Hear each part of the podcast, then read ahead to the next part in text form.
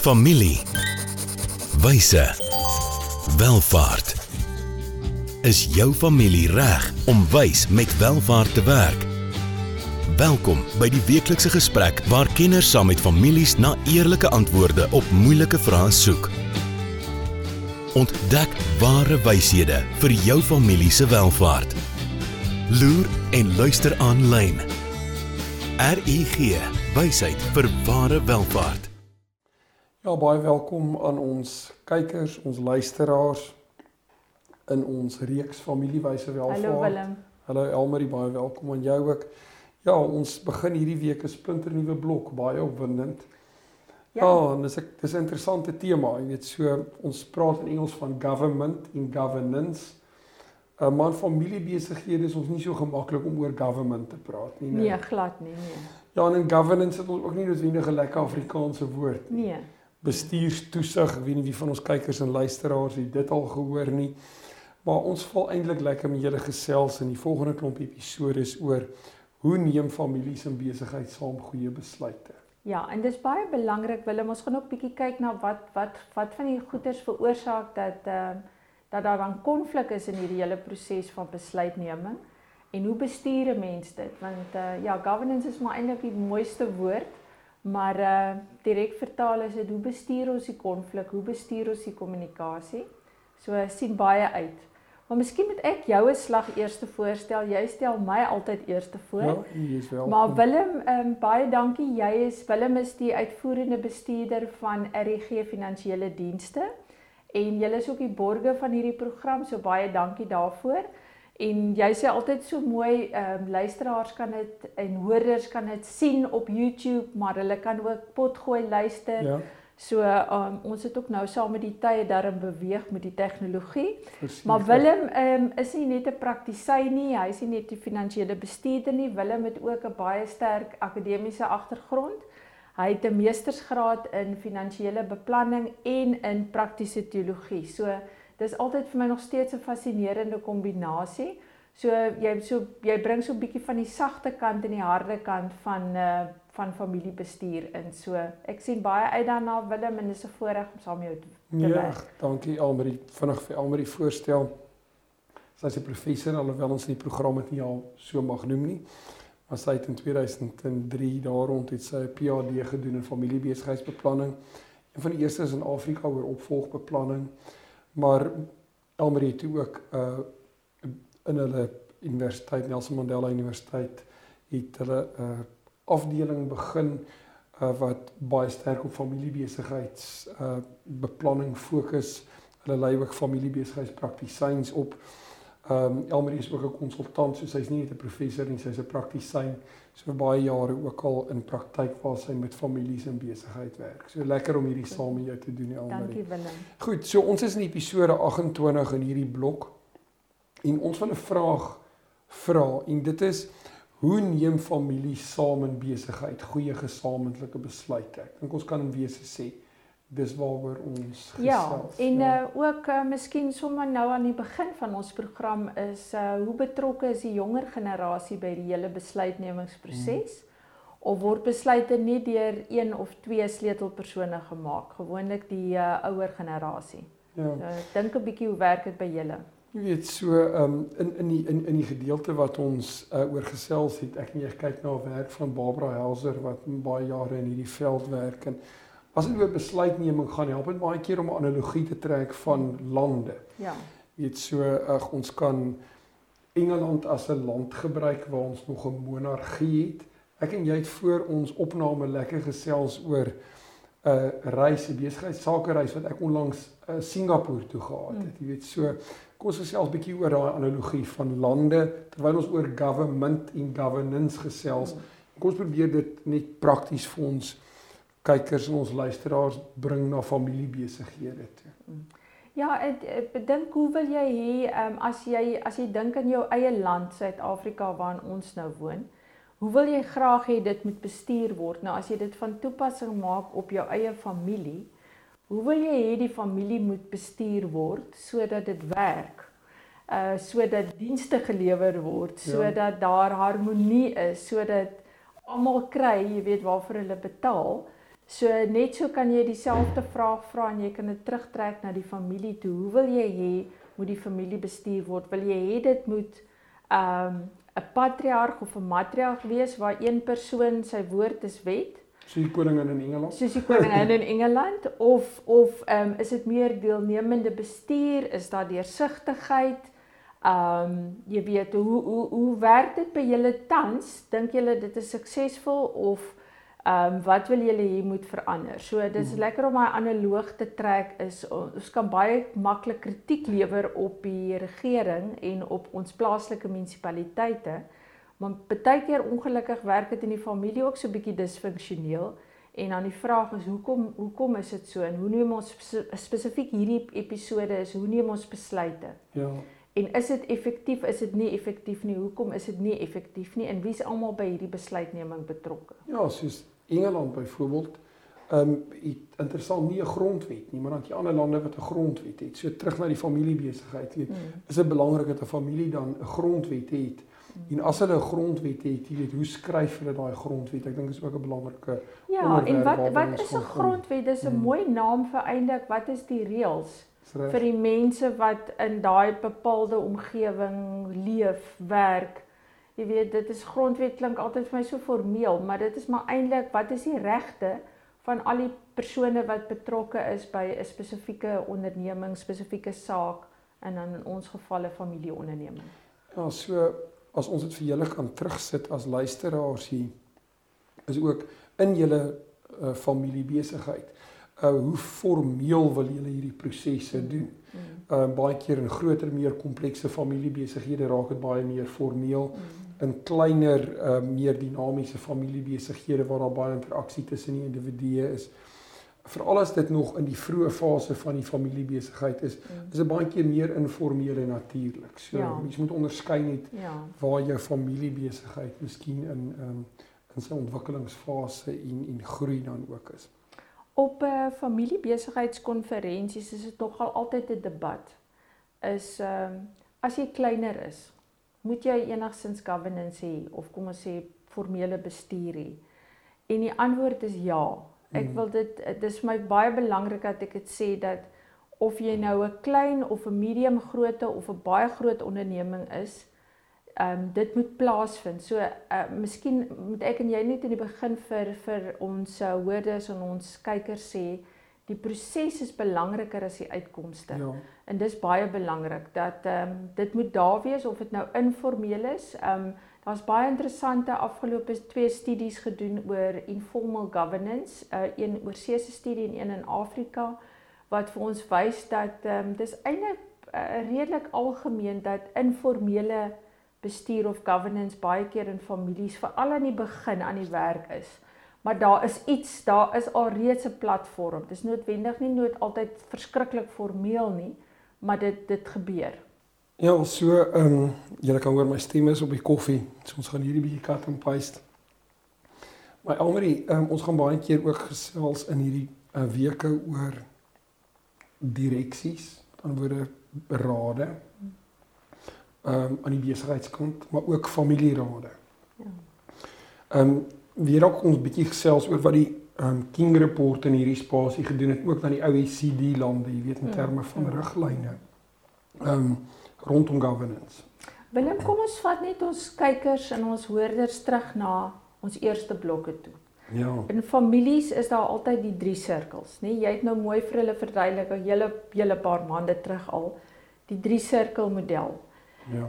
En bestuur moet gebeur in al drie sirkels. So Jy weet ons dink gewoonlik aan die besigheid eerste en dit gebeur alreeds baie in baie familieondernemings dat jy het 'n direksie of jy het ten minste 'n besigheidsplan of jy darm 'n formelerige organisasiestruktuur. Dit is meestal daar. Maar baie belangrik is dat parallel met dit en jy het op 'n stadium ook die parallelle beplanning um, beklemtoon is dat ons ook bestuur het vir die familiesirkel. Uh en dis waar jou grondwet um inkom jou familie grondwet want baie keer as die besigheid in die familie um um wat noem mense oor oorvleuel dis waar die konflik gebeur. So En dan en dan gooi jy dan nog eienaarskap by en jy het 'n regte lekker potjie wat aan die kook is hier onderliggend. So belangrik vir vir ons kykers en ons hoorders om te onthou dat governance en en bestuur is nie net in jou besigheidssirkel nie. Dit is in al drie daardie sirkels. En dan kan jy nog sê maar jy moet die governance ook bestuur want uh governance kan later baie ingewikkeld raak veral as jy 'n groter familiestruktuur het. En dan raak dit amper 'n sirkel in eie reg, nee. Dit raak 'n sirkel in sy eie reg en dis wat ek sê, hmm. ons begin eenvoudig, maar dit dit raak later 'n 'n vierde sirkel wat mens moet bestuur. Vanaand oor die King report en die OECD riglyne. Ja, ek dink dis baie belangrik veral in vir geleë ons het nou baie as ons werk op SME's by die universiteit dan ek dink jou King report is nie net vir groot maatskappye nie. Ek het nou 'n doktorsgraad student wat uh, werk op ehm um, ehm um, integrated reporting in familie listed family businesses. Maar ehm um, dis net so belangrik vir jou klein en medium groot uh, ondernemings. So ek dink die King report het baie uh riglyne ingebring. Ek wil nie net heeltyd die woord governance gebruik nie want dit is so formeel. Maar ehm um, dit het vir ons baie wetlike riglyne gebring van hoe besighede bestuur moet word en veral in ons geval dink ek 'n direksie. Hmm. Ehm um, dit dis vir my amper die belangrikste ding want kyk 'n grondwet dit is nie regtig vervat in die King report nie, maar die direksie wie wie kan direkteure wees jou uh jou aandeelhouers strukture en daai goed het die King report vir ons baie voordele gebring. Ek weet nie of jy dalk enige Ehm um, maar dit dit dit werk net so dis net so belangrik ehm um, jy weet jy hoef nie noodwendig 'n geluiste maatskappy te wees nie maar ek dink fantastiese werk wat gedoen is deur die King report. Ja nee ek dink jy het die belangrike goed daar gesê miskien meer in internasionale konteks ek ken dit maar as die OECD jy het vir ons 'n ja, mooi Afrikaanse ja. woord gegee. Ja ja. Van, van die belangrike werk wat hulle gedoen het. Ja ek het nog al interessant is die ehm um, organisasie vir ekonomiese samewerking. Dis die OECD. Ja. ja, ons gebruik baie ehm um, hulle riglyne vir alles ons werk op innovasie en navorsing daarop doen. Dis ongelooflik eintlik hoe dik die verslae is. So dit gee maar vir mense riglyne, maar weer eens die vraag is dan hoe vertaal ons dit na die na die amper sê die gewone familiebesigheid wat vandag na ons luister wat beteken dit vir hulle en dit is waaroor ons in die volgende 7 weke bietjie gaan oor. Dis interessant, ek het nog nooit met die OECD se werk so direk in familiebesigheidsbeplanning gewerk nie. Ek werk gewoonlik in internasionale belasting en oordragbeprysing ja, met hulle ja. met hulle riglyne. Daarvan weet ek niks. Ja ja. So ek dink ehm um, openbaarmaking is ja, belangrik. Ja. Die Engelse woord transparency, maar ek gaan gou ja, deursigtigheid. Ek gaan 'n sluk water vat. Dankie aan RGG wat hierdie vir ons borg. Uh, ons is na hierdie kort handelsflits is ons terug. Hoe gaan dit met jou geld sake? En met jou, jy sien, in die soeke na wins, vergeet jy soms om jou beleggings met jou waardes te belyn. En dis wanneer dinge begin skeefloop. So, het jou beleggingsportefeulje waarde en ook waardes. RUG Adviesdienste sorg dat jou beleggings by jou pas, sodat jy trots kan wees op elke maatskappy waarin jy belê. Hoe jy geld maak, maak saak. Belyn jou beleggings met jou waardes. Kry jou finansies op koers met 'n persoonlike padkaart na ware welvaart. RUG. Wysheid vir ware welvaart.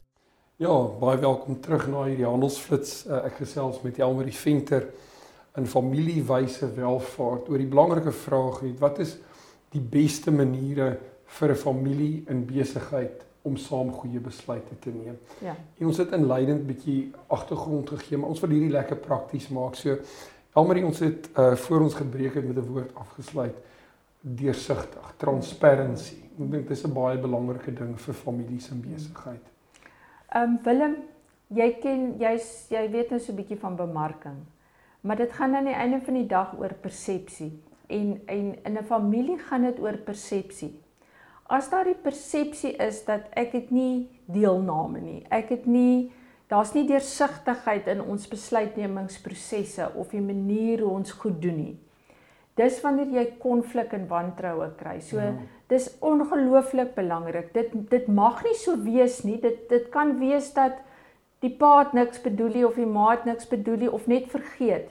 Maar as daar by kinders se persepsie is of by enige van die familie dat daar's nie deursigtigheid nie, daar's nie regverdigheid nie.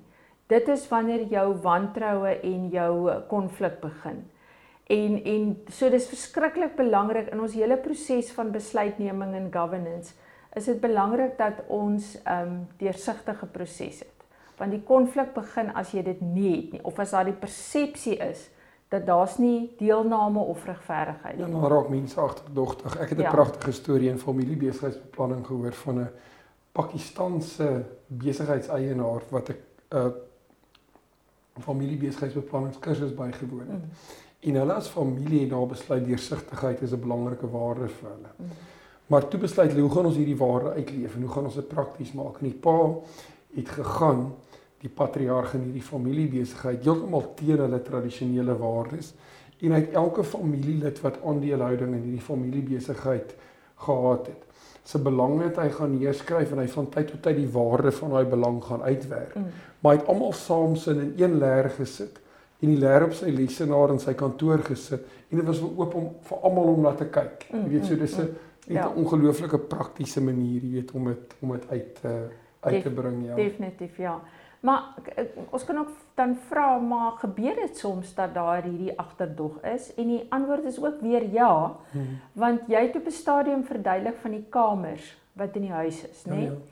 En ongelukkig ek het vir jou gesê daar's daar's twee ander kamers die slaapkamer en die eetkamer waar daar baie keer besluite deur een of twee families geneem of familielede geneem word en die ander was nie daarbey betrokke nie. Nou weer ja. eens dit skep agterdog dit skep so tipe van ek was dan nie betrokke nie. Waar het julle dan dit besluit? So ja belangrik dat 'n mens bewus is van uh, jy weet is nie altyd doelbewus nie maar as die persepsie daar is dan gaan jy gaan jy probleme optel en um, miskien Willem uh, uh, iets wat ook belangrik is in hierdie gesprek is aanspreeklikheid Jy weet ons eh, praat baie keer van ons moet besluite neem, maar ek het dit nou weer gesien. Ek het nou 'n tydjie um, in KwaZulu-Natal spandeer.